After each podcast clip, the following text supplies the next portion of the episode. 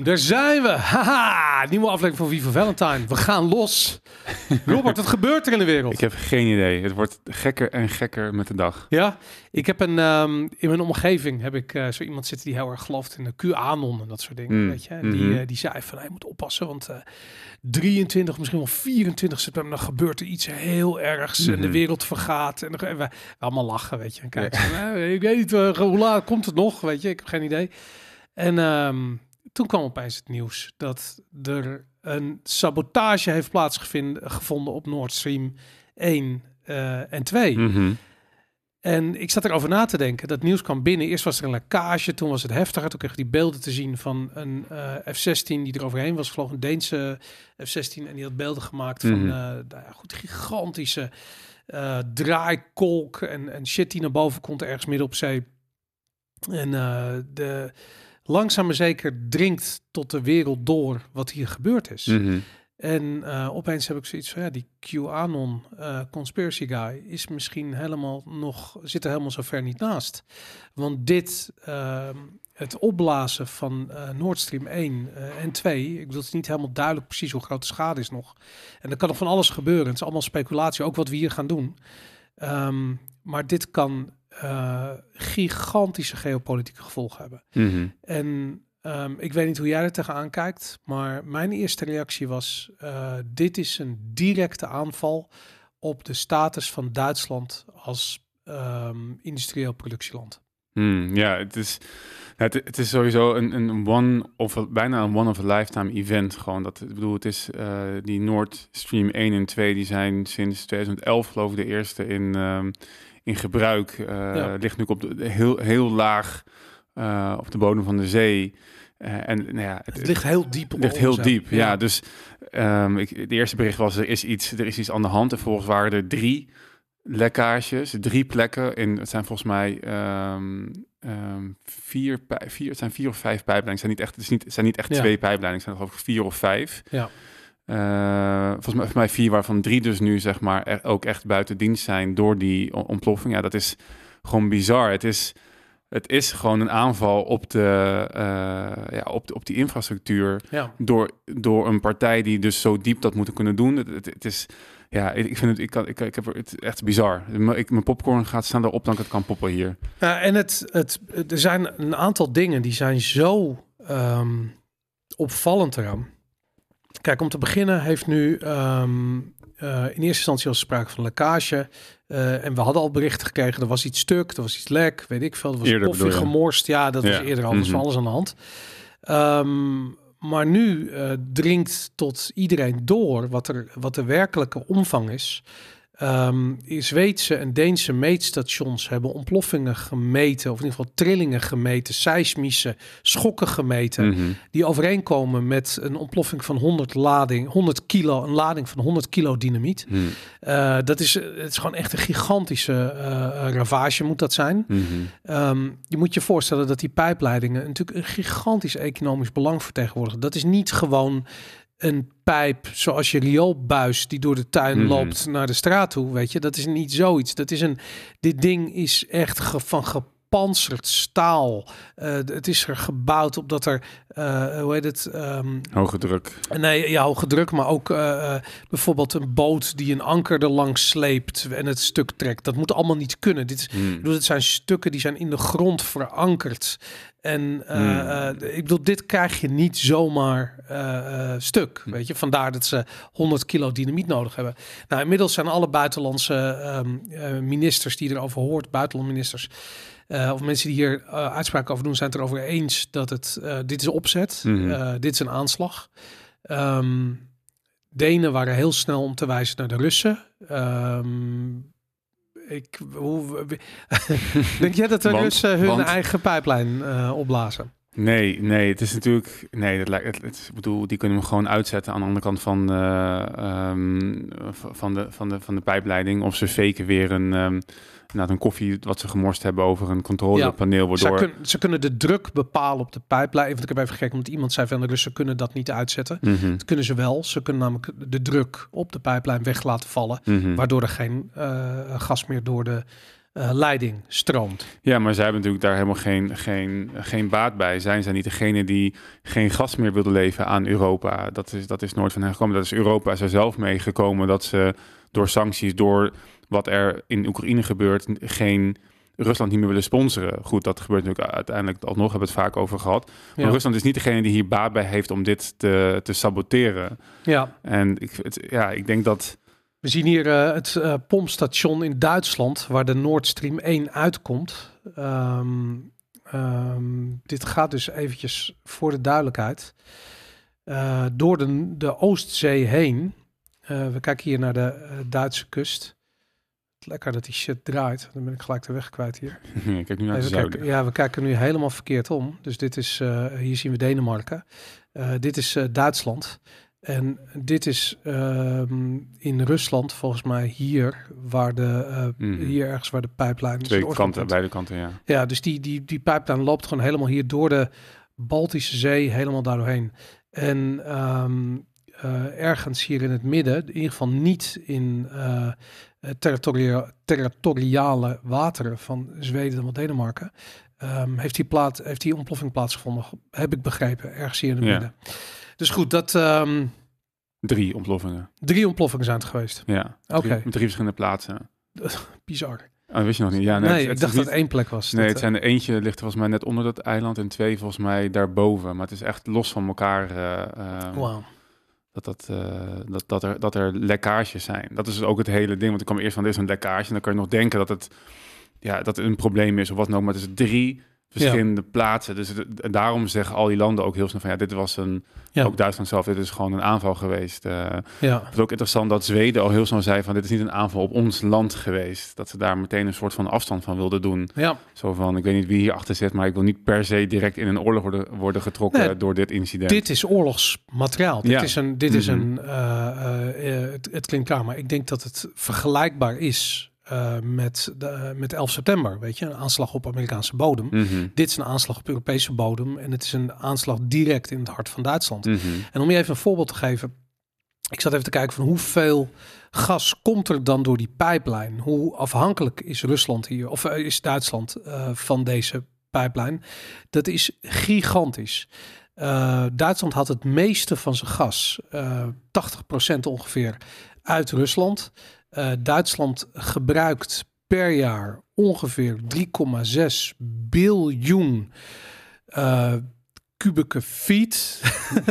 Want ik, ik wou het even omzetten naar kubieke meter. Dan moet je delen door 36. Dus zeg uh, dat dat uh, 100 miljard kubik kuub gas halen ze ongeveer per jaar uit. Doe ik even mm -hmm. uit mijn hoofd op. Misschien is er een paar nullen naast, geen idee. maar um, dat komt voornamelijk door die Nord Stream 1. Uh, die Nord Stream 2 was gebouwd uh, om eigenlijk dat uh, op te voeren. daarnaast zijn er ook nog gasleidingen die liggen door onder andere de Oekraïne heen. Mm -hmm. um, nou ja, goed, dat ja, is er zijn nu nog maar twee pijpleidingen inderdaad uh, die gas van Rusland naar Europa kunnen krijgen. En die gaan door de Oekraïne. Waarvan eentje door Oekraïne gaat. Ja, inderdaad. dus kun, ja. je na, oh, okay, kun je nagaan hoe belangrijk de Oekraïne opeens wordt ja, voor precies. Duitsland. Ja. Maar um, um, we hebben wel die verhalen gehoord. Dat vind ik ook zoiets. Uh, de EU heeft een deadline gesteld dat alle Europese lidstaten voor 1 oktober hun gasreserves tenminste op 80% mo uh, moesten vullen. Duitsland is ambitieuzer geweest. Die wilde 91% uh, gevuld. Is dat ook gelukt? Dus tada, de gasreserves uh, zijn vol en boom, daar gaat het. Hmm. En dat, um, dat betekent dat er nu geen weg terug meer is. En in, met geen weg terug betekent van, weet je, ik had eerlijk gezegd altijd nog een beetje het scenario in mijn hoofd van, oké, okay, op een gegeven moment dan uh, wordt het de Duitsers uh, een beetje te heet onder de voeten, te koud onder de voeten. Die hebben zoiets van, nou, het is nu klaar geweest. we gaan um, een oplossing zoeken. Wat Japan eigenlijk ook heeft. Japan heeft ook economische sancties tegen Rusland. Maar energietoevoer is daarvan uitgesloten. Mm, mm. Nou, ik had gedacht, Duitsland gaat ook zoiets doen. Mm -hmm. Weet je, die hebben gewoon die gas. Nou, die hele. Ik wil Duitsland is het industriële hart van Europa. Als die geen toegang meer heeft tot goedkope energie, dan is het klaar. Over en uit. Europa als productief land is klaar. Ik bedoel, Duitsland financiert Europa, min of meer. Mhm. En dat is alleen maar die, die industriële producties hebben. Dat gaat gewoon weg. Dat stopt. Daar gaat gewoon de stekker uit. En dat is, eh, dus ik dacht van ja, dat gaat niet gebeuren. De, de, het, het wal keert het schip. Ehm, ze gaan Poetin een handreiking doen en op een gegeven moment wordt dat bijgelegd en dan zijn ze weer vriendjes. Eh, en dan kan het gas weer stromen. En wat er verder nog in Oekraïne gebeurt, dat zal wel. Dat, Mhm. dat scenario is nu Mhm. eh, dus afgesloten. Ja. Dat kan niet meer. Er kan geen gas meer naar, ehm, ehm, naar Europa toe. En misschien zijn er mensen die denken van, nou, maar ze kunnen dat toch repareren, die pijplijn. Ehm, op dit ogenblik, ik heb één analyse gelezen van iemand die eh, gespecialiseerd is in eh, ehm, gas- en olieindustrie eh, ja, op zee of in zee, eigenlijk op grote dieptes. Ehm, dat is een vak apart. Er zijn maar weinig bedrijven die dat kunnen. En onder ideale omstandigheden kost het tot 25 tot 30 weken om één zo'n lek te repareren. Ehm, ideale omstandigheden betekent in de zomer. Want de Baltische Zee is een onher, onheilspellend eh, koude plek in de winter. Eh, en be- bevroren, je kunt daar niet zomaar aan staan. Dus in de winter kan er sowieso niks gedaan worden. Dus dat betekent je hele window waarin je sowieso kunt opereren in de Baltische Zee is ongeveer die 30 weken. Eh, nou, deze winter gaat er niks meer gebeuren. Dan zou dat volgende week, of vol- volgende week, volgend jaar eh, lente eh, zou dat werk moeten beginnen. En dan is het nog maar de vraag of het op tijd klaar kan zijn voor de winter. Waarschijnlijk niet. Eh, en dan heb je nog meerdere lekken die allemaal gerepareerd moeten worden. Er is niet, omdat er zo weinig vraag is naar dit hele soort specifieke materieel, is er ook niet veel van. Mhm. Als dat allemaal hier moet in worden gezet, dat betekent ook, da- daarom duurt het ook jaren voordat zo'n, die Nord Stream 2, die is volgens mij tien jaar lang is eraan gebouwd. Dus die, ehm, ja, dit gaat ook winter 23 grote, grote problemen opleveren. Mhm. Want eh, ja, de tekorten kunnen niet meer aangevuld worden vanuit Rusland.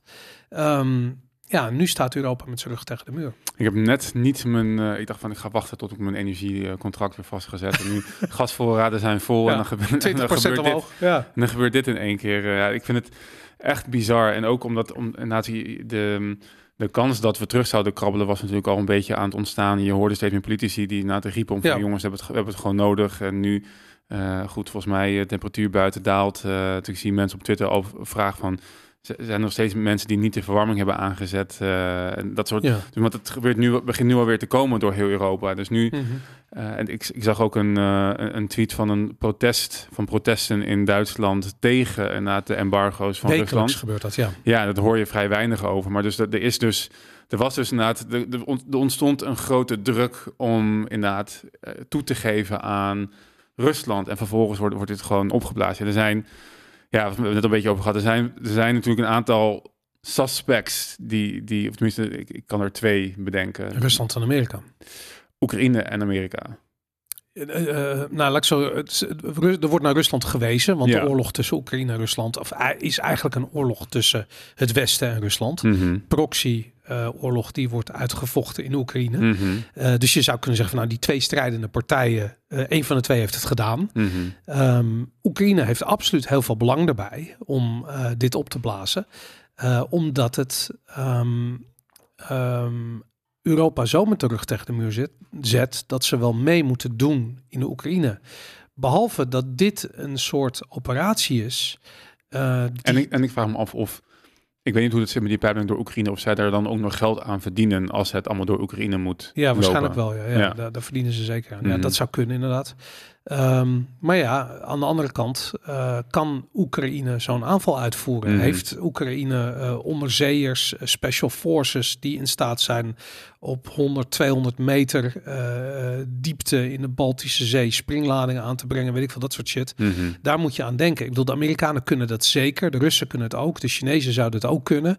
Ehm, dan heb je het wel een beetje gehad, weet je. Ik bedoel, je moet, de, de, de- je moet ook nog eens een keertje in dat gebied operationeel zijn. Dat is interessant. Er, zijn, er is net een grote NAVO-oefening geweest. Mhm. Perfect dekmantel. Maar hebben we dat om, eerder eh, gezien? Inderdaad, om eventjes zo te doen. Die, die, die oefening is overigens wel voorbij, maar...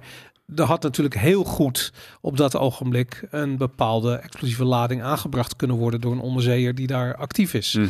Uh, sterker nog, het zou heel goed kunnen dat bij uh, zo'n oefening er een scenario um, wordt uh, uitgespeeld waarin een aanval wordt uitgevoerd op die Nord Stream mm -hmm. pipeline. Want het is zo'n strategisch ontzettend belangrijk object. Mm -hmm.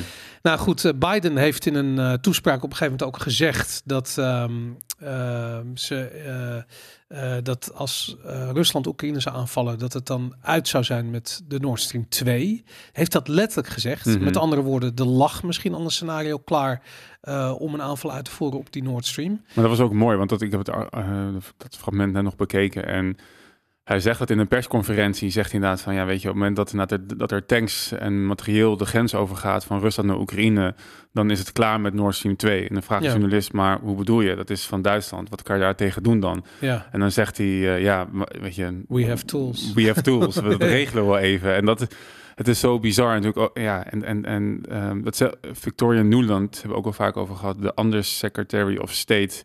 Ja. Een soort van staatssecretaris van Buitenlandse Zaken in Amerika. Die, die ehm, geen, de, de EU geen warm hart toedraagt. Heeft ook al gezegd dat Nord Stream 2... Weet je, dat, dat ze daar iets mee willen doen. Of, iets mee, of, of dat, dat, dat gaan stoppen als dat... ehm, Ja, als, als, als, als er iets mee gaan doen. Dus dat is, ehm, ja, ik vind het, het, bizar dat er zo, er is duidelijk vanuit Amerika een hele grote wens om die Nord Stream 2, dat heeft Trump nog gezegd ook, weet je, die, die, die, dat filmpjes die nu weer heel vaak op Twitter voorbij komen, dat, ehm, dat hij zegt, moet Duits- Duitsland moet zich afvragen of ze zo afhankelijk willen zijn van Rusland. Weet je, dat zegt Ja. hij, volgens mij bij de VN ergens een keer, eh, waarbij Duitsland dan heel erg hard moet lachen. Maar er is zo'n drive vanuit Amerika, zeg maar, om, om dat uit elkaar te krijgen. En Oekraïne was daar, denk ik, een geslaagde poging in. Maar goed, ja, uiteindelijk als je koud hebt, dan wil je gewoon stroom, eh, gas hebben. ja. Nu lijkt het terug te komen. En dan, ja, er is, er is in ieder geval een, een, een, een probable cause dat, dat, de, dat VS of dat elementen binnen de VS hier, eh hier achter zitten. Nou ja, en er is nog een ander ding. Eh, VS heeft een grote gasindustrie en is nu de grootste exporteur van gas naar Europa geworden. Mhm. Dus die verdienen gewoon heel veel geld. Key eraan. bono, ja. En dat is het, eh, dat is dat andere ding. Er is iets. ehm, eh, oh, ik wou nog één dingetje afmaken over, over de voorraden, de gasvoorraden in Duitsland. Duitslandse, eh Duitslandse, Duitse, ehm, Duitse gasvoorraden zijn ongeveer eh, een derde van wat ze ehm, op jaarbasis gebruiken. Ehm, nou, het is niet helemaal duidelijk in hoeverre de bezuinigingen die, of weet je, ik wil iedereen is aan het ransoneren, de zwembaden mogen niet meer gestookt worden, overheidsgebouwen, weet ik wat, er gebeurt van alles. Dus er zal ongetwijfeld minder gasgebruik zijn in Duitsland. Maar onder normale omstandigheden is de eh, gasopslag van Duitsland goed voor 30% van het gasverbruik. In principe zouden ze daar de winter mee door moeten kunnen komen. Dus de kans is ook groot dat dat nu wel gaat lukken. Deze winter heeft Duitsland genoeg gas. Probleem is, die gasvoorraden moeten telkens weer aangevuld worden. Weet je? Dus als er geen gas meer naar Duitsland gaat, dan krijg je een gigantisch eh, eh, eh, eh, ja, op prijsopdrijvend effect voor de gas die wel voorhanden is. Gas gaat ontzettend duur worden. Mhm. Ehm, daar gaat Amerika voornamelijk van profiteren. Poetin zal er ook van profiteren overigens, maar Amerika ook. Eh, Nederland zou ervan kunnen profiteren als we ons gas weer zelf zouden verkopen eh, op de vrije markt. Nederland zou daar echt heel, dus absoluut heel veel aan hebben. Dat is trouwens een mooie bijdrage van Henk Otte in de Eerste Kamer. Ehm, die, ehm, die zei ook volgens mij de waarde van onze gasvoort is geloof ik iets van 1000 miljard euro. Was, dat was voordat dit hele gezaak begon. Ja, precies. Ja. Ja. En toen zei hij van, weet je, maak gewoon 10 miljard over naar Groningen en draai die kraan open. Ja. En dan ben je overal vanaf. Ja, dat heb ik voor hem ook in de Tweede Kamer Ja. zeggen een keertje inderdaad. Ja, ja, nee, absoluut. Ik bedoel, dat moet ook gebeuren. Maar dat is natuurlijk het andere ding. Ehm, daar, omdat Duitsland nu zo met de rug tegen de muur staat. ehm, die, die, die groenen die nog altijd de macht hebben in Duitsland. Die zijn verantwoordelijk voor dit beleid. Dus die hebben die, die, die, ehm, die kolencentrales gesloten. Die hebben die, ehm, eh, die nucleaire eh, eh, energiecentrales gesloten. Dat is allemaal die groene agenda die ze hebben in Duitsland. En het vervelende is, daar zitten ze nog wel eventjes mee. Verkiezingen komen eraan, maar die zijn nog wel een paar jaar weg. Tegen die tijd is Duitsland gewoon bevroren. Ik bedoel, dat is gewoon klaar. Maar wat je ook gaat krijgen, is dat het een ontzettend inflatoire effect heeft op de euro. Omdat we kunnen geen energie printen, we kunnen geen energie produceren meer dan we al doen. Eh, eh, waarop Groningen overigens wel weer opnieuw een uitzondering is. Maar ehm, Europa zal meer eh, geld moeten lenen van de ECB om die steeds hoger oplopende gasrekening te betalen. Enerzijds gewoon om het te importeren, anderzijds gewoon om de huishoudens die het niet meer kunnen betalen, om die te subsidiëren.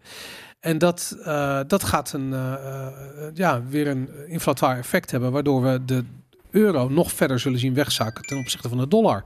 En ook dat is gewoon weer zo'n ding waarvan je af kunt vragen: wat is nou direct de rol van Amerika in dit verhaal? Weet je, wat is hun belang? Ja, en, en ook, ik, we kregen een, een van de reacties van de kijkers was over van, ja, er is eigenlijk helemaal geen energiecrisis. Want je net, wat je net aangeeft is dat deze um, ontwikkelingen hebben een effect op de prijs. Ja. Maar het hoeft niet per se een effect te hebben op de energie of de gasleverantie. Van, je kan het altijd nog wel via, via inkopen. En ik wil ook een beetje onderzoek, een beetje te verdiepen afgelopen dagen in hoe werkt dit hele systeem en wat is nou precies aan de hand. Ook omdat ik een filmpje doorgestuurd kreeg van een andere kijker weer die zei dat die Varoufakis, Varou, die, uh, Varoufakis, die Griekse, die Griekse oud-minister van Financiën geloof ik was het, um, die zei van het, het is, um, hij wijst naar Engeland om, om te kijken van dit is een, een gecreëerde crisis. Die gebruiken namelijk helemaal geen Russisch gas. Die halen al hun gas zelf uit de Noordzee. Wat ze gebruiken, geloof ik, is 35 procent, zei die, geloof ik. Dat is um, uh, um, van hun energiebehoefte komt uit gas wat ze zelf winnen in de Noordzee. Okay. Uh, en ze zijn heel erg energie onafhankelijk. Maar ook daar gaan de energieprijzen door het dak ja. heen. En hij, het is wel, hij um, geeft de schuld dus aan de privatisering, zeg maar. Uh, en het feit dat... Hij is een communist. Dus hij is een communist. Al, ja. Logisch, maar ik vond het wel een interessante take op van... ja, waarom heeft Engeland een probleem als, als er nul, zeg maar, Russisch gas... Um, in de mix bij hun zit. Zeg maar. ja. Zij zijn helemaal energie onafhankelijk. Dus je zou, um, uh, je zou, dus je zou niks hoeven moeten merken van wat er zeg maar gebeurt. Het enige wat je wel merkt is dat gewoon op papier de prijs stijgt, omdat er dus omdat er dus. Ja, en er is een ander ding. Um, de gasvoorraden, omdat Engeland zelfvoorzienend is, heeft Engeland ook maar 1% uh, van zijn gasopslag. Dus bijvoorbeeld, er zijn landen in Europa die bijna die, die een gasvoorraad uh, hebben van 80% van hun jaargebruik. Duitsland heeft ongeveer 30%. Uh, Engeland heeft minder dan 1%. Die doen niet aan voorraden aanleggen. En dat doen ze niet omdat ze dat in principe niet nodig hebben, omdat ze zelfvoorzienend zijn. Maar het is inderdaad zo dat omdat uh, die gas uit de grond wordt gehaald door commerciële partijen en dat gewoon door de markt uh, um, verdeeld wordt, uh, is de Britse overheid aangewezen op de vrije markt om, om die gas uh, bij die mensen thuis te krijgen. Eigenlijk mensen zijn aangewezen op de vrije markt om gewoon gas in te mm -hmm. kopen. Dus die prijzen gaan daar ook omhoog. Maar eigenlijk is het zo raar, want eigenlijk is het zeg maar is het, is het, is het niet één markt. Zeg maar dat gas in Engeland in feite zou het als een aparte markt kunnen, kunnen zien. Het is raar dat zij de vraag in Engeland verandert niet, zeg maar, en het aanbod in Engeland verandert ook niet. Ja, maar dat komt omdat die hele energiemarkt uh, uh, uh, eigenlijk wordt uitgedrukt in termijncontracten. Dus het is niet zozeer dat jij, weet, ik veel, als jij naar de supermarkt gaat en je koopt een zo'n blikje gas, weet je, zo'n blauw blikje, en je zegt van nou, dat kost, weet ik veel, 1,95 en nu kost het 2 euro en dan heb je dat gas. Weet je, dat gas heb je niet echt. Dat kan niet met deze uh, uh, hoeveelheden. Mm -hmm. je, je, wat je doet, is je koopt in, je gebruikt en je rekent af aan de hand van, de, van wat je van tevoren hebt ingekocht. Dus dat is ook het verdienmodel van grote energiebedrijven, uh, zoals Vattenfall en weet ik veel wat. Die kopen gas op die termijnmarkt of energie in op die termijnmarkt. Um, en verkopen dat weer, maken daar een berekening voor. Oké, okay, wat kost het dan? Wat moet het dan de huishoudens kosten om dat enigszins goed te krijgen. En als er een nieuwe partij op die markt komt die bijvoorbeeld uh, dat beter kan inkopen, bijvoorbeeld, en dat is meestal het geval doordat ze kortlopende termijncontracten afsluiten, uh, in, een, in een volatiele markt kun je goed en dan kun je dus veel winst maken uh, uh, in die business. Maar die grote bedrijven, de Eneco's en de Vattenfalls, weet ik wat, die kopen lange termijn contracten in, omdat ze juist heel steady willen zijn. Nou, die gaan zo meteen, die, die, zijn, die profiteren nu, weet je. Als jij een vijfjarig contract hebt bij Eneco, dan in principe koopt Eneco, die sluit een vijf jaar contract af en berekent jou een prijs gebaseerd op dat termijncontract. Maar nu, wat je nu gaat zien gebeuren, is dat die grote uh, uh, of die lange termijn contracten, die gaan dus naarmate dit langer duurt, en dat is nu ongeveer een jaar bezig, dat gaat, um, uh, die gaan aflopen op een gegeven moment. En dan zul je steeds een, een heftiger prijsopdrijvend effect zien plaatsvinden. Maar dit is nog steeds ervan uitgaan dat je één markt hebt. En dat is volgens mij, dat vind ik, daarom vond ik het Engeland bijvoorbeeld zo interessant, want dat ook als je daar met termijncontracten werkt, ze halen het gewoon vanuit een, een andere bron, zeg maar. Alleen omdat er een soort blijkbaar een soort van afspraak is dat er een wereldwijde gasprijs is. Ja. En op andere plaatsen dus iets van gebeurt wat op invloed op die gasprijs betalen zij ook een andere gasprijs. Dat vind ik. Nee, het kan natuurlijk verscheept worden. Weet je, je maar, kunt maar gas dat doen ze de- dus niet. Nee, wel, dat gebeurt wel. Ja, maar, ze, maar zij in Engeland eh, halen ze zeg maar niet gas uit een andere plek dan wat alleen hun eigen. Zij zijn echt onafhankelijk. Ja, maar als Shell daar die, die, die, die, eh, die gasvelden exporteert, eh, exporteert Hmm, weet je, ja. dan kan Shell kiezen van gaat dat gas, is dat voor de Engelse markt of, of gaan Ja, we dat aan. Duitsland verkopen? Ja. Nou, Duitsland gaat zo meteen meer betalen, want, want die fabrieken en die industrie Je moet hebt een draaien. probleem. Ja. De- de- dus schrijft Shell zoiets van, nou, weet je, zullen we dat helft niet... eh, eh, en dat is wat je zo meteen gaat krijgen, dat, je, dat die bedrijven geprivatiseerd worden. Precies om wat die Varoufakis zegt. Die vrije markt, als dat tegen je begint te werken, doordat die, dat de prijsopdrijvend effect heeft, ja, dan krijg je opeens stemmen die opgaan, die zeggen van laten we de boel privatiseren. En, eh, of publiek bezit maken, Ja. niet privatiseren. Nationaliseren. Nationaliseren. En dan, eh, eh, dan hebben we niks meer met die vrije markt te maken. ja, precies. Ja, nee, maar klopt. dan krijg je dus ook, dat is, het, dat is het nadeel van nationaliseren. Dan krijg je dus overheidsbureaucratie. En het is maar de vraag of dat efficiënter Het, het antwoord weet wel, dat is minder efficiënt dan vrije markt zijn werk laten doen. Nee, dat was ook wel. Dat was ook een van de, ook een andere vraag van een kijker van hoe kijken we aan tegen zeg maar het, eh, het privatiseren van eigenlijk zaken waar een al een monopolie is. Ja, En dat zijn bijvoorbeeld nutsbedrijven, die hebben natuurlijk, omdat het eh, vaak geografisch bepaald is, die, weet je, het netwerk en zo, die hebben dan een, een, een monopolie. En Mhm. hij zegt, ja, ik zie dat daar wel problemen kunnen ontstaan eh, als je dat niet nationaliseert, zoals, nu, zoals je nu dus ziet, omdat de prijs ja. omhoog gaat eh, en je eigenlijk geen keuze hebt om, om daar iets anders mee te doen. Mhm. En ik vind, ja, ik vond het interessant. Ik ben sowieso even gedoken, misschien daarvoor nog even. Want ik dacht eigenlijk op een gegeven moment van, ik snap niet hoe ons energie, ons stroom- en gasnetwerk werkt. Ik bedoel, we hebben, ik dacht van, ik, ik woon in een, eh, in een complex met, weet ik veel, hoeveel woningen. Mhm. En ik heb mijn eigen energieleverancier gekozen. Ja, Eh, maar het gaat allemaal via dezelfde gasleiding naar binnen. maar daar betaal je ook voor. Dus je hebt bijvoorbeeld Liander. Die, die, eh Liander is het bedrijf, ja. die, die sluit jou aan op het gasnetwerk en op het energienetwerk. Dus die, die zorgen dat je, daar betaal je ook netwerkkosten voor of iets Ja. dergelijks.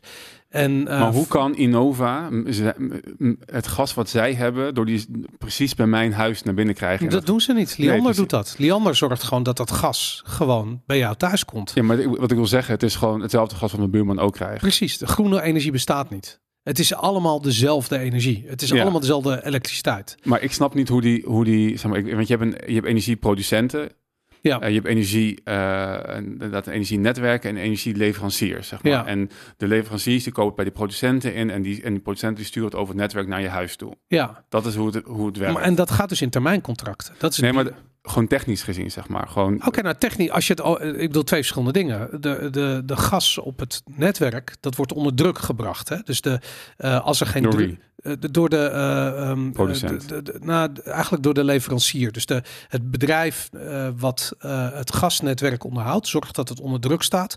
Die, die belt alle leveranciers, zegt van we hebben gas nodig, jullie, jullie willen gas verkopen, kom maar hier, we sluiten je aan op het netwerk. En op dat ogenblik dan, eh, weet je, er ontstaat een vacuüm en dat vacuüm begin je op te vullen dat je gas het netwerk inpompt. Dan, nou, op een gegeven moment, eh, door, eh, door de druk op dat netwerk, eh, begint dat te stromen. Nou, jij hebt op een gegeven moment, eh, weet ik veel, eh, 100.000 eh, eh, kuub heb je geleverd. Nou, dan stuur je een factuurtje naar, ehm, naar, naar Liander. En dan zeg je van, eh, eh, ik heb 100.000 eh kuub geleverd. Ik wil eventjes afrekenen. Dit zijn, de, dit zijn de bedragen die erbij horen. Liander die factureert dat weer door aan eh, jouw energie direct leverancier, weet ik van wie je hebt. En die heeft jou een mooi verhaal verkocht. Van, ja, het is groener dan ooit en whatever. En die heeft, daar, die heeft daar een bepaalde prijs voor verkocht aan jou. En jij, jij betaalt dat weer, weet je. Dus dat... Ja, ik, ik, in mijn hoofd krijgt het gewoon niet rond, zeg maar, hoe er dan twintig energiemaatschappijen, zeg maar, over dezelfde leidingen bij- bij verschillende huishoudens dan, zeg maar, dat gas. Maar het is een ad- administratief ehm, handeling, zeg maar, ergens. Nou, weet je waar je uh, bijvoorbeeld merkt? Als je bijvoorbeeld verhuist, hè? Dus stel Ja. je voor, jij, jij gaat naar een nieuwe woning toe. En je Mhm. hebt nog geen gas en eh, eh, energie, of je hebt nog geen energiecontract. Dus gas en elektriciteit en water over hetzelfde. mhm, Maar dat, dat komt wel gewoon uit de muren. En Mhm. je kunt het gas aan en de verwarming aanzetten. mhm. Maar je hebt geen leverancier. Hoe kan dat?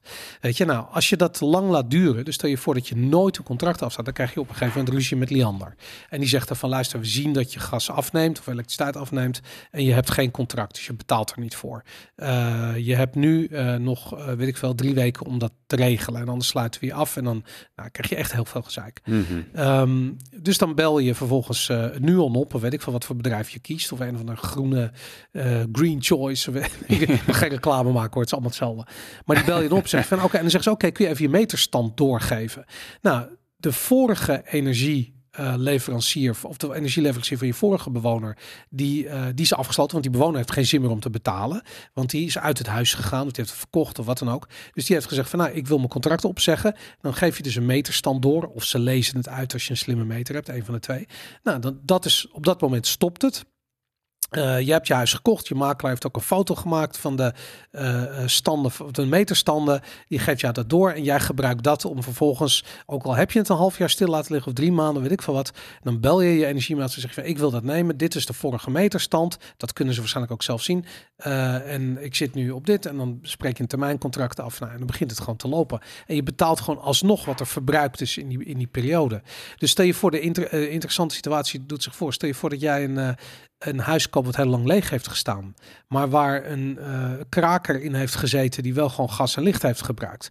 Ja, dan ben je fucked. Dan moet jij betalen. Weet je? Mm. Dat, dat is ook gebeurd. Weet je? Of dat er een of andere wietplantage, weet ik veel wat, iemand heeft dat gewoon gebruikt. Maar die gaat er niet voor betalen. En dat, dat is niet, eh, eh, ja, dan moet je dan uitzoeken wie dat geweest is en hem aansprakelijk stellen, weet ik veel. Maar dan ben jij als nieuwe huurder of koper, ben je dus, ben je dus alsnog verplicht om dat af te rekenen. Maar dan werkt het dus zo, dan, dus dan kopen al die energieleveranciers als Nuon, eh, eh, Green Choice, Innova, weet ik wat allemaal, in Energie Direct, die kopen termijncontracten in bij de producent. En die producent die leeft, blijft gewoon elke keer hetzelfde doorleveren. Alleen eh, Ja, er is, er, er is een het exchange daarvoor. veranderd. Ja. Er is daar een, er is een, een, een, een, een handelsplatform daarvoor dat is gebouwd. Dat werkt extreem efficiënt. En je kunt zelfs, eh, ehm, ze kunnen zelfs inschatten wat de prijs per kwartier is. En ook wat de vraag is van het netwerk per kwartier. Dus met energie of met stroom, met elektriciteit, is dat heel belangrijk. Dat ze dat, dat vraag en aanbod heel erg op elkaar afgestemd worden. Ze hebben ze een heel geavanceerd pla- handelsplatform voor gebouwd. En ik, ik neem aan dat voor gas dat daar exact hetzelfde voor werkt. Weet je? Dus dat, Maar dan zijn, volgens mij zijn energieleveranciers niks anders dan effectenhandelaren eigenlijk wel, ja. en, ja. en administratiekantoren. Ja, behalve dat je wat je dus ziet, is dat veel energie. eh, eh, leveranciers ook zelf Ja, energieopwekkers zijn. precies. Ja. Weet je, want dat, nou ja, dat zal wel winstgevend zijn. Ja, als je die markt goed kent, dan ga je natuurlijk zelf ook produceren. Dus ehm, dat zie je wel bij de grote in ieder geval. Maar bij al die kleintjes, energiedirect.nl, die, die hebben echt geen... Misschien hebben die, weet ik veel, een paar zonnepanelen ergens liggen... of een windmolen gekocht. Dat, zou- Mhm. dat zou kunnen. Mhm. Maar dat gaat echt niet op grote schaal. Nee, precies. Ja ik, ik, ja, ik vond het interessant. Omdat ik dacht, want ik wilde voordat ik die vraag beantwoord van wat vind je van de liberalisering van zoiets als nutsbedrijf, daar wil ik een beetje induiken hoe dat nou precies zit. En ik denk dat, ehm, want het klinkt ook een beetje als er namelijk dat dit weer ontstaan is doordat het soort van geforceerd, geliberaliseerd is, maar niet helemaal vrij is. Want er zijn ook weer regels gebonden aan het Er is scheiden geen van. concurrentie natuurlijk. Weet je, ik bedoel, Nee, maar dat is, dat is inherent aan dit soort geografische ehm, dingen. Dus daar kan je zeg maar niks aan doen. ja. Alleen de overheid heeft extra ingegrepen door te zeggen van... ik wil bepaalde dingen van elkaar scheiden. Het netwerk en de leveranciers en de producenten. En ja. daardoor krijg je volgens mij zo'n rare effectenhandel erop. Ja. eh, terwijl wat je eigenlijk zou moeten doen is zeggen van... oké, we- weet je, we, we stellen er geen eis aan. Dat is een vrije markt. Mhm. Dan ben je dus wel waarschijnlijk overgeleverd aan een bepaalde leverancier... en producent en netwerk. Want dat was vroeger in één. ehm, ehm, als je ergens gaat wonen. Ja. Dat moet dus onderdeel zijn van jouw keuze om ergens te gaan wonen. Dan weet Ja. je namelijk in wat voor een eh, ehm, regime je terechtkomt.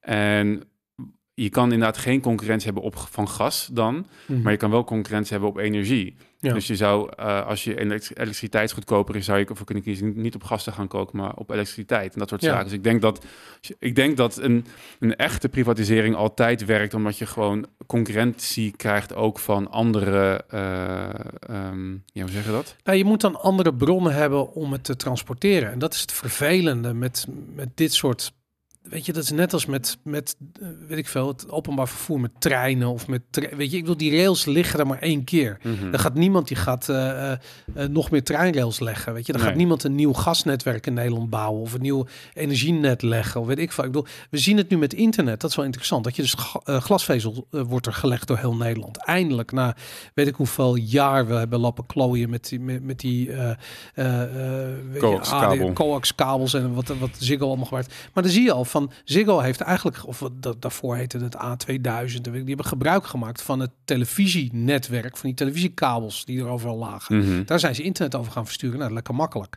Mhm. Maar goed, nu zie je dat er dus wel een nieuw internetnetwerk gelegd wordt. En eigenlijk wil je ook kunnen kiezen uit drie verschillende gasnetwerken. Ik denk alleen van ja, dat gaat, het gaat heel erg duur zijn om dat allemaal neer te leggen. En Ja. is natuurlijk relatief onefficiënt. Maar Ja. dit, dit is een hele oude discussie van als je privatisering versus nationalisering. Als je kijkt naar wat er gebeurd is met de NS en ProRail. Het is er niet beter op geworden. Het is er ook duurder op geworden. En de vraag is, was dat ook gebeurd als het allemaal nog genationaliseerd was geweest? En ja, het is een beetje als als. Je weet het niet. Weet je, ik bedoel, het kan gebeuren als, als een markt totaal niet meer functioneert. Als, als er geen dienstverlening meer plaatsvindt. Ja, dan moet het terug naar de overheid. Weet je, ik bedoel, net als dat bijvoorbeeld. eh, eh, volgens mij, ik weet niet helemaal 100% hoe dat gegaan is, maar in Amsterdam heb je bijvoorbeeld het GVB, het gemeentevervoerbedrijf. Dat was vroeger gewoon van de gemeente. Eh, en volgens mij is dat geprivatiseerd, weet ik niet 100%. Nee, is dat nooit doorgaan? Mm, Jawel, jawel. Volgens mij wel, ja, ja. Maar in ieder geval heeft toen ehm, eh, de gemeente met dat bedrijf contracten vastgelegd dat ze bepaalde dienstverlening moeten doen. Dus bijvoorbeeld de pont naar Noord, de gemeente heeft een vervoersverplichting. Dus die moeten zorgen dat er een dat mensen de mogelijkheid hebben om van Amsterdam Centraal naar Amsterdam Noord te gaan. Dus dan vaart er een pont. Die pont is verlieslatend. Niemand koopt een kaartje voor de pont. De pont is gratis ook, weet je. Dus dat, dat, dat is omdat ze die vervoersverplichting hebben. Dus dat, dat is gewoon een activiteit die verlies leidt. Dat moet betaald worden door mensen die een buskaartje en een eh, tramkaartje kopen. En dat is. ehm, je zou zeggen in een vrije markt was die pont die zou niet varen, weet je, want dat is gewoon of dat zou gewoon 5 euro kosten om naar de overkant te gaan, bij wijze van spreken. En dat is het, ehm, dat is het probleem met nationalisatie versus privatisering, is dat privatisering kan efficiënter zijn, maar die efficiëntie betekent soms dat bepaalde dienstverlening gewoon niet geleverd wordt. Nou ja, als er, ik, denk als er, ik weet wel zeker, als er vraag naar is, wordt dat zeker wel geleverd. En ik denk ook dat, ehm, ik denk dat het. Nou, als de eh, vraag is, als de economisch rendabel is, wordt het geleverd. Ja, als er, als er vraag, ja, precies. Maar goed, als het vraag en aanbod op elkaar inderdaad eh, afgestemd kan worden. Maar dat als er ergens een vraag naar is, dan betekent het vaak ook dat er een wens is. Dus dat de mensen geld voor over hebben en dus dat het zeg maar dat je iets van Ja. kan maken. Maar mensen moeten denk ik bij privatisering en nationalisatie niet alleen maar kijken naar van inderdaad heb ik kan ik één heb ik maar één gastleverancier, want de concurrentie gaat op een breder vlak. Weet je, dat leer je ook in de economie dat je hebt, Mhm. je hebt horizontale en verticale concurrentie. En ik vind het voorbeeld van internet en van vervoer een hele mooie, omdat daar zijn ook voorbeelden van dat het, dat anders kan. Inderdaad, je hebt ook bij glasvezel moest dat uiteindelijk ook open worden gesteld en coax ook. Mhm. Maar glasvezel en coax zijn dus concurrenten van elkaar. Dus je kan, ja, misschien kan je niet in dat glasvezel gebruiken, ja, maar wel, maar wel coax voor een ehm, kabel-internet, zeg maar, voor Ja. een goedkoop alternatief. En wat je nu ziet, 3G, 4G, 5G, 5G geloof ik echt, is, nou ja, dat die, die downloads zijn, worden nog Is ook een insaner. Je ja, hebt nu dingen als Starlink wat gaat komen. Dus de concurrentie komt uiteindelijk wel weer als je het gewoon vrij laat. Alleen vaak wordt dat ook weer tegengehouden. En je Ja. hebt inderdaad maar één treinspoor.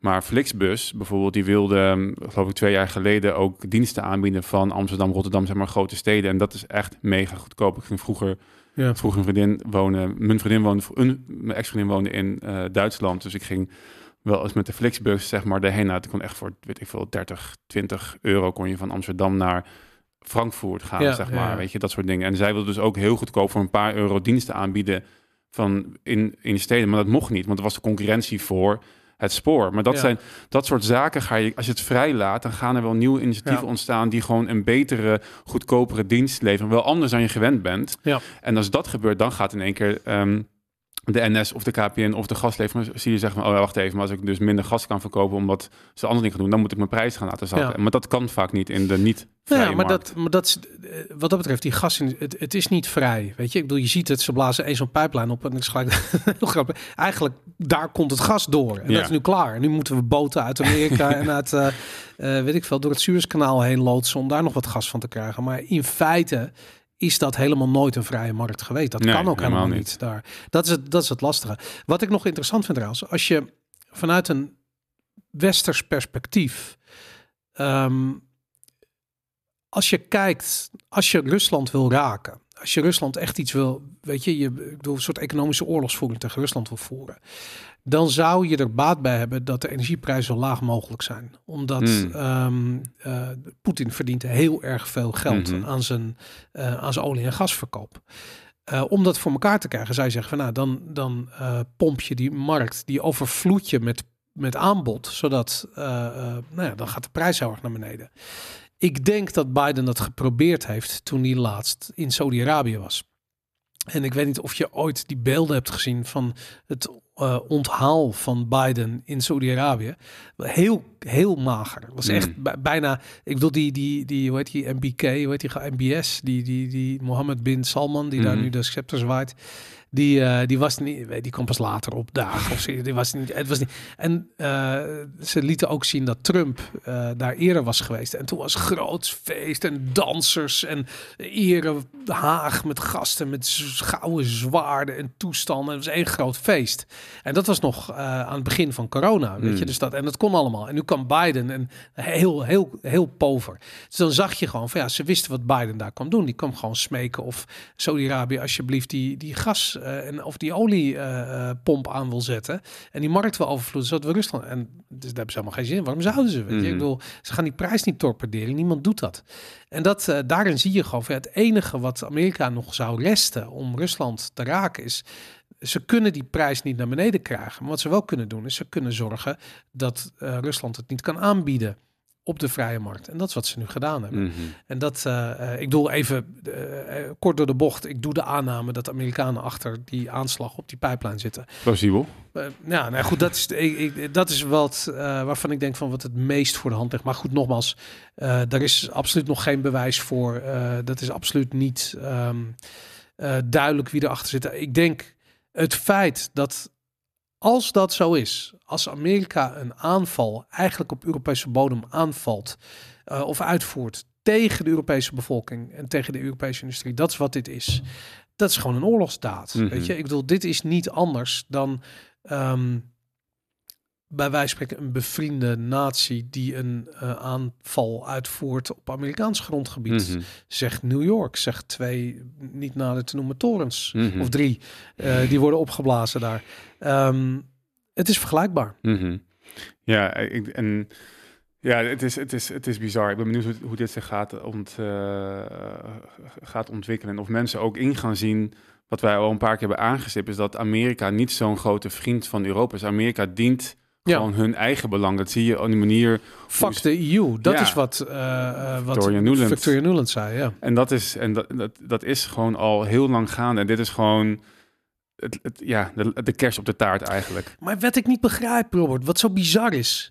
Ik bedoel, Duitsland heeft een inlichtingendienst. Duitsland Oh ja. heeft een leger. Dat- Waarom beschermen ze hun, hun, hun, hun economische belangen niet? Dat was toch grap nog, trouwens, we helemaal vergeten. De CIA heeft dus een half jaar geleden gewaarschuwd dat er iets zou gebeuren met de Nord Stream pijpleiding. ja. Nou, dan ben je, helemaal al klaar. Als je, en maar, maar waarom zijn de, de, de, de, de, de Duitsers niet 24 uur per dag bezig om te patrouilleren langs die pijplijn? Waarom beschermen ze de, de levensader van hun energietoevoer niet? Mhm, Waarom? Wat is er mis met Duitsland? mhm. Ik vind het echt bizar wat er in dat land aan de hand Ze is. zijn uh, suicidaal, denk ik. eh. Nou, het is, het, het is bizar. Ik zag een eh, quote eh, voorbij komen van eh, eh, een Duitse vriend van me vertelde dat. eh, een quote van Lenin. Die zei ooit van ja, als Duitsers een eh, treinstation willen, eh, eh, willen veroveren, dan kopen ze eerst een kaartje. En dat, dat is Duitsland, weet je. Het is gewoon, dat land is, het lijkt wel, die mensen zijn massaal eh gebrainwashed, Ja. weet je. Die zijn, die, die groene politiek die daar is gevoerd, ehm, ze zijn niet bezig met wat er werkelijk in de wereld gebeurt. En wat er werkelijk in de wereld gebeurt, is dat hun stoppenkast ligt eruit. Mhm. En ze hebben geen toegang meer tot uh, elektriciëns. Weet je, het is gewoon afgelopen. Ze kunnen niet meer aan, uh, aan gas komen straks. En dat, uh, dat, dat muntje valt niet. Mhm. Ik bedoel, als er straks geen BMW, Mercedes, Porsche, Volkswagen, Audi, whatever wat ze allemaal maken, er is straks niks meer te kopen, omdat de productie daarvan niet te betalen is. En dat betekent dat die producten ook internationaal niet meer verkocht worden. Dat betekent dat die hele Duitse auto-industrie, die klapt in elkaar. Daar direct gevolgd door de Duitse staalindustrie, wat er in het roergebied allemaal uh, plaatsvindt, wat daar allemaal aan zware uh, metalen wordt gewonnen, wat daar aan uh, zware industrie is. Het gaat allemaal dood. Mm -hmm. Dat is, je, nou, je kunt je gewoon niet voorstellen. Dat is het economisch hart van Europa. Ik vraag me af in hoeverre zij, um, um, um, ze doen niks, dat is duidelijk, zeg maar, Mhm. maar of ze, of ze ook zien, niet zien wat er gebeurt, maar misschien zien ze het wel, maar zeggen ze niks. Dat, dat, dat het nog steeds het verhaal is van de, de silent majority, zeg maar, die nu Ja. toch wel doorgeeft dat alles wat de afgelopen jaren gebeurt eh, een beetje vreemd is op zijn minst, weet je wel? Dat je nog niet meteen een label aan hangt, maar denkt van wat hier gebeurt, dat is niet in mijn best interest. En ik vraag me af, en misschien waar we het meteen nog over gaan hebben, als je ook kijkt naar de verkiezingen in Italië. Ik heb toch het idee dat het sentiment ook met, met, met Trump en met Brexit en met eh, nou goed, Forum hier een tijdje geleden in Nederland, eh, ehm, ehm, dat, dat er wel bewegingen, maar het zijn redelijk nog apathische bewegingen om iets te veranderen, om verandering te willen. Maar mensen, mensen geloven het niet. En dat is het. Dat is natuurlijk. Wat het- niet? Nou, wat er aan de hand is in de Nee, wereld. precies, En ja. dat, dat, weet je, als ik bijvoorbeeld tegen mensen zeg van luister, je, je spaargeld op de bank heeft nu een probleem. Weet je, we hadden het er net nog over, over dat ehm, de pond is bijna één op één met de dollar. Mhm. De euro is vanochtend, ik voor het laatst keer 95 dollar cent Mhm. waard. Weet je, dat was niet heel erg lang geleden, was dat nog 1,20 dollar per euro. Mhm. Weet je, ik bedoel, daar is 25 cent is daarvan verdampt. Weet je, koopkracht is weg. Mensen realiseren zich niet dat het straks 80 cent is en daarna is het 50 cent. Mhm. En maar, maar het effect daarvan gaat heel erg groot zijn. Het, eh, ehm, eh, we gaan langzaam een beetje die, die, die, die grote ehm, valuta, die zijn aan het imploderen ten opzichte van de dollar. En dat is ook dat is die dollar milkshake theory waar we het al Mhm. eerder over hebben gehad. We zien het met de yen. We gaan als eerste gaan we de, de, de Engelse pond eh, eh, in elkaar zien klappen. Daarna de euro, daarna de Japanse yen. En de Japanse yen zou ook wel eerder kunnen. eh, maar dat hangt ervan af hoe ze nu met die energiecrisis omgaan. Want ook zij gaan steeds meer betalen voor, omdat die gas, dat is een, weer- die energiemarkt is een wereldwijde markt. Zij gaan ook steeds meer betalen voor hun energie. En dat is ook een productieland. En dat, die krijgen dezelfde problematiek. Mhm. En die hebben al, die, die eh, Japanse centrale bank, die heeft al zo ontzettend veel, eh, v- volgens mij 60% van de hele aandelenmarkt of de termijnmarkt, weet ik, wat hebben ze op hun balans staan. Dat is echt de Japanse centrale bank. Die zijn als Van eerste wereldwijde. Nee, nee, van de Japanse, Oh, oké, van de ja. Japanse markt. Die, Ja. zijn al, die, die zijn al heel lang geleden, dat, of weet ik, bijna 20 jaar geleden begonnen met het quantitative easing. Mhm. En dus die hebben al dat, eh, dat valutaprobleem. Het enige is, ze konden het enigszins in- exporteren, omdat ze zo'n ontzettende sterke productiecapaciteit hebben. Dat gaat nu gewoon allemaal wegvallen. Dus je, wat je gaat krijgen is die, weet je, al die problemen die je altijd zag bij Argentinië en dat, dat soort, weet je, ver van me met Libanon, weet ik veel, eh, Zimbabwe. Nou goed, dat is wel een heel extreem voorbeeld. Maar Argentinië struggelt al heel lang met zware inflatie. Die hebben gewoon 40%, 50% i- ieder jaar weer, weet je. En dan heb je zoiets van, ja, hoe kan het dan? Het is ver van weg. Hoe zit dat nou? Nou, hoe, hoe dat komt, is omdat zij eigenlijk in de val getrapt zijn van het feit dat ze relatief weinig productie in huis hebben, maar afhankelijk zijn van een dollar. Al die, die, die wereldbankleningen die ze hebben, die zijn allemaal in dollar, eh, eh, dollars genomineerd. Dat betekent dat ze gedemoneerd... Oké, whatever. Maar ze, ze moeten rente betalen op die leningen. Ze zijn in dollars. Ze Ja. moeten rente betalen op die, eh, op die leningen in dollars. Ze moeten die, die, rente, die leningen Mhm. aflossen in dollars. Ja. Dus de vraag naar dollars neemt toe. Wat doen ze? Ze creëren geld om eh, dat vervolgens om te zetten naar dollars. Nou, als jij een geldcreatie doet, ten opzichte van een land die dat anders doet, en Amerika's wat dat betreft, die hebben de wereldreservemunt, dus die zijn dat is een koning inflatie, die staan als sterkste ten opzichte van de hele wereld als het Mhm. gaat om inflatie. Die doen ook aan geldcreatie, maar die Argentijnen die merken dat direct in de koopkracht van de pesos.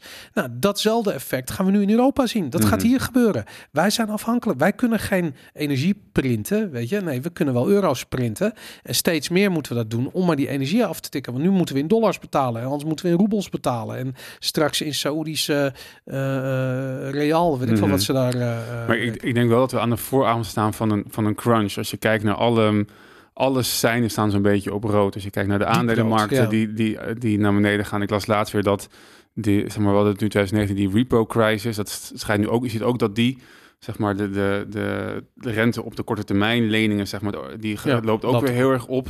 Ja. Ehm, je ziet dat de huizenprijzen in, eh, in, in Amerika aan, de, aan, het, aan het, echt aan het kelderen zijn, zeg maar, Ja. sinds de vorige crisis. En, nou goed, het is volgens mij een kwestie van tijd dat het echt, echt extreem misgaat. En dat mensen denk dus ook nog, ja, die, die, je, je kan het niet meer ontkennen en wakker worden en dan iets tegen gaan doen. Je kunt er wel wat tegen doen. Maar het probleem is dat je er bijna niks tegen doen als je kunt tegen doen als je geen kennis hebt. Mhm. Dus je, ik bedoel, heel simpel. Zoek een bank waar je een dollarrekening kan openen. Zorg dat je niet, als je spaargeld hebt, niet alles in euro's aanhaalt. Mhm. Doe iets met bitcoin, doe iets met goud, zilver, weet ik veel. Het, al leg je blikjes tonijn in de kelder. Het maakt niet uit. Het mag geen euro zijn. Als het maar geen euro's zijn inderdaad.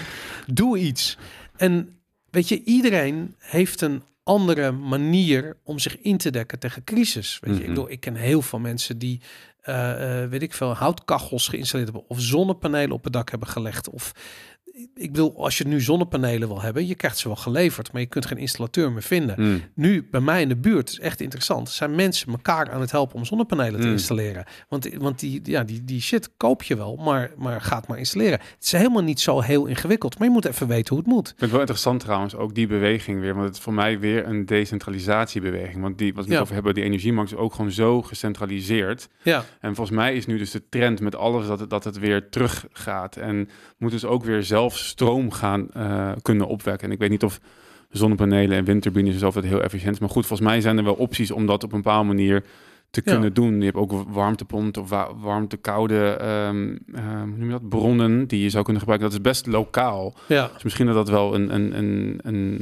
een ja. beweging is naar zeg maar zelf je eigen energieproducent eh, en leverancier worden. Ja, nou ja, goed, dat eh, absoluut. En ik denk dat dat, dat is een soort onvermijdelijke ehm, toekomst waar we naartoe gaan. Ehm, en ik maak me zorgen over de mensen die er niet mee bezig zijn. Mhm. Het maakt niet zo goed, zoveel uit wat voor oplossing je, ehm, ja, je kiest. Weet je, ik bedoel, er zijn heel veel scenario's denkbaar.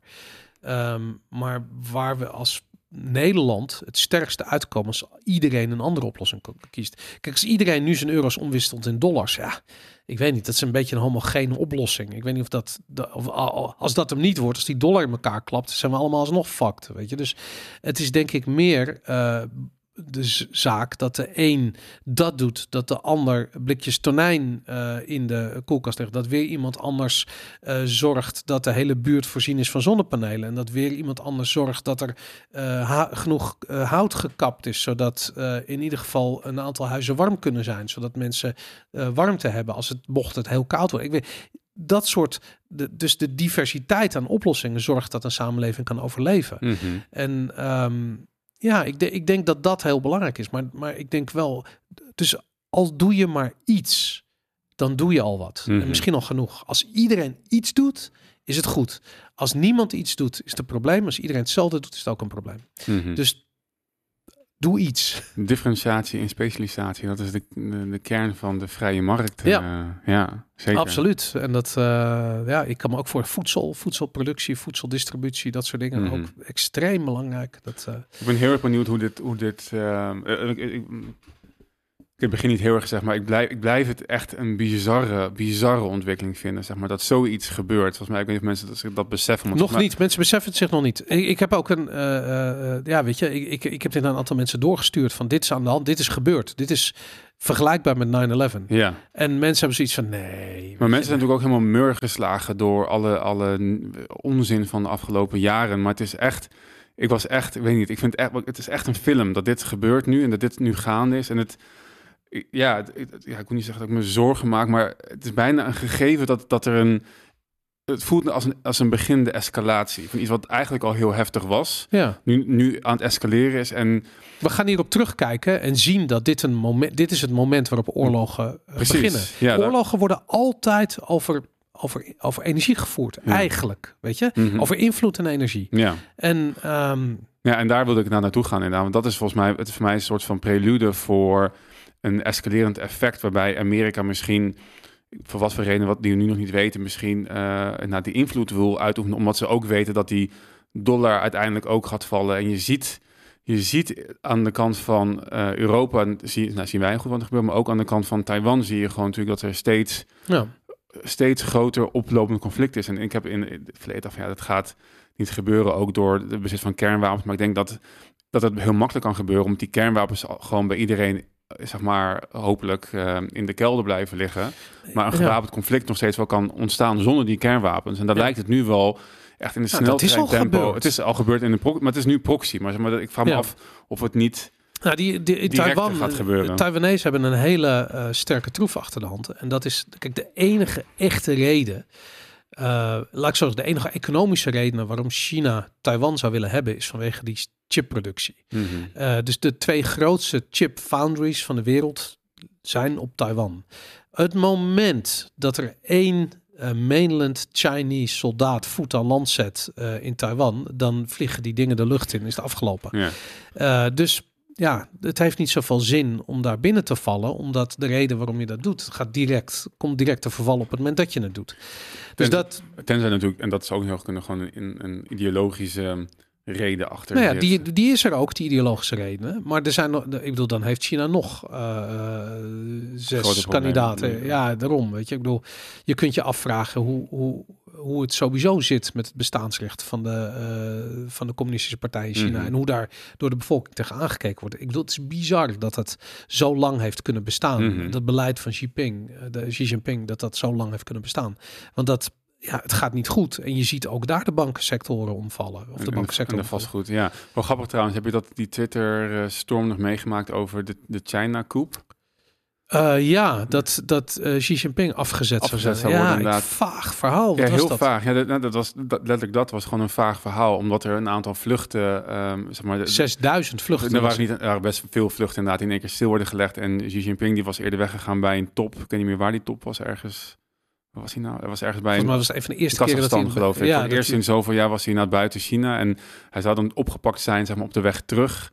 Eh, en ik, ik weet niet wat het was, maar ik zag, ik, ik moest daaraan denken. En ik, je hebt natuurlijk ook die hele... Maar is dat al officieel ontkracht? Is hij al in het openbaar verschenen? Ehm, ik, ik heb meerdere media. Ge, eh, eh, hij is nog mijn. Ik weet niet. Ik heb de afgelopen dagen niet gekeken. Maar ik heb toen ging ik het onderzoeken. En toen.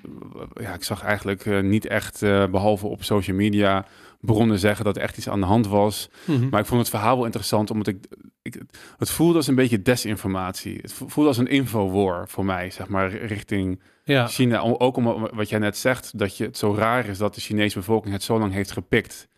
En eh, ik vraag me af of er niet een soort van propaganda plaatsvindt richting China, zeg maar, om inderdaad de, de, de CCP af te zetten. eh, weet je, dat het een van de black op eh, info op is van, van de CIA of wat dan ook. ja. Daar dacht ik aan. En toen ook omdat er tegelijkertijd dat verhaal speelde met alles wat erin. Dit is eh, trouwens, als ik het nu even google, ik weet niet wat First Post is, maar zeggen ze dat het inderdaad eh, niet waar is. Dat het een, nee, een grap Twitter-account was. ja.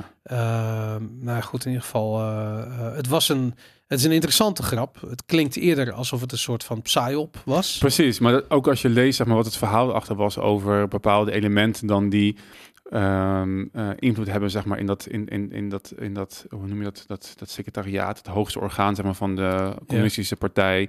En dat er ook weer een, een, een, een hoe noem je dat, een ge- gelieerde, een, nee, hoe noem je het, een bondgenoot dan ook weer hoge invloed had binnen de, ehm, in, in de ehm, leiding van de People's Liberation Army. Ja. Dus het was echt een heel goed geconstrueerd verhaal, zeg maar. eh, Ja. Wat nog steeds nep kan zijn. Maar het voelde voor mij ook als een psyop. En toen dacht ik ook, zag ik zeg maar dat viel me op dat hele Iran-verhaal, waar nu ook heel veel rellen gaande zijn. Ja, Maar daar zie je ook weer een soort van PR-campagne achter zitten. En het lijkt, ik heb het idee van, ik snap dat het, het is terecht dat er om gereld wordt, zeg maar. Dat was natuurlijk een, een vrouw was vermoord door de um, morality police van Iran, omdat ze geen hoofddoek wilde dragen. Ja, Nou, ja. weet je, je moet lekker zelf weten wat voor kleren ze draagt. Dus dat je daarom relt en je vrijheid terug wil. Dat, is- dat snap ik. Maar de, weet niet, ook De, de, timing is de timing en de he- heftigheid en vooral ook zeg maar weer de savviness op social media, dat ik van, Hmm. hier zou ook wel weer iets achter Maar kunnen dat, zitten. ik, ik bedoel, dat zit er sowieso. Ik weet zeker dat er hele afdelingen van de CIA en van de Mossad gespecialiseerd zijn in het ondermijnen van. Iraanse.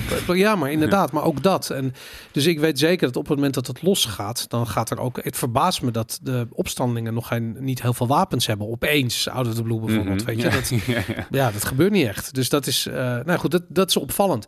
Maar al die dingen, ehm, we hebben al een tijd geleden gezegd dat we te maken hebben op dit ogenblik met een voorfa- voorstadium, met een voorstadium van de Derde Wereldoorlog. Mhm. En dat klinkt extreem dramatisch, ehm, maar het lijkt, het lijkt uit te spelen op die manier. Mhm. En het is, ja, het is insane. En, en het, het, het, weet je, wat je altijd hebt met dit soort oorlogen, ze zijn nooit wat je ervan verwacht. Het ziet er altijd anders uit. En ik heb het idee dat het nu ook in de eerste plaats, of misschien alleen in deze fase, of misschien is dat wel alles wat er is. Het is een informatieoorlog. Mhm.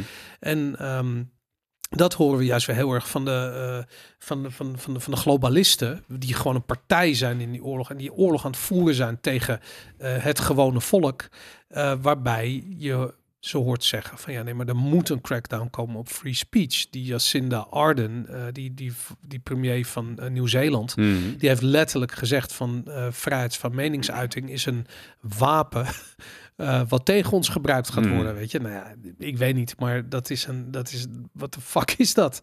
Wat is er aan de hand? Het is ook wel grappig. Nieuw-Zeeland heeft nu ehm, gezegd dat ze stoppen met het leveren van wapens aan Oekraïne. Ja, Omdat hun stokpels naar nul zijn gegaan. ja, ja. Dat is wel de andere kant van de vraag. Ik vraag me af of er echt, behalve Amerika, westerse landen zijn die een oorlog zouden kunnen voeren tegen China of Oekraïne. Ik heb echt, echt het idee dat we echt helemaal niks Tegen hebben Rusland. Ja, ja. aan. eh, ehm, ja, of Rusland. Nee, nee, maar daar is de Scott Ritter, die eh, Amerikaans militair analist, die eigenlijk heel kritisch is op wat het Westen doet in Oekraïne. Ehm, die heeft al een keertje gezegd dat eh, we daar militair gezien, dat Europa militair gezien niet zo heel veel meer voorstelt. Ik Nee. bedoel, eh, eh, Frankrijk heeft een paar divisies. de Britten hebben een aantal divisies die sterk zijn. Vooral special forces, weet je, dat is er allemaal wel. Dat zie je in Nederland ook, weet je. Ik bedoel, de, de, de commando's en de mariniers, die zijn echt wel paraat. Dat zijn hele fitte, sterke, slagvaardige eenheden. Maar het zijn er ook weer niet zo heel veel, weet je. Kun je alleen een pijpleiding mee Je opblazen? kunt er, ze kunnen zeker een pijpleiding opblazen, maar ik weet niet of ze hoe heet het, kunnen keren in Oekraïne bij wijze van spreken. En dat is, dat is een oorlogsvoering op een andere schaal. En dat is wat die Russen nu aan het doen zijn. Ook met die, met die eh, mobilisatie. Het is 300.000 ehm, reservisten oproepen. Dan denk ik ook van, ja, hoe goed zijn die mensen getraind? Wat gaan die doen in Oekraïne? Weet je? Ik Mhm. bedoel, dat is geen professionele leger. Ik vind het ook raar, want de Russen hebben 150.000 man in Oekraïne.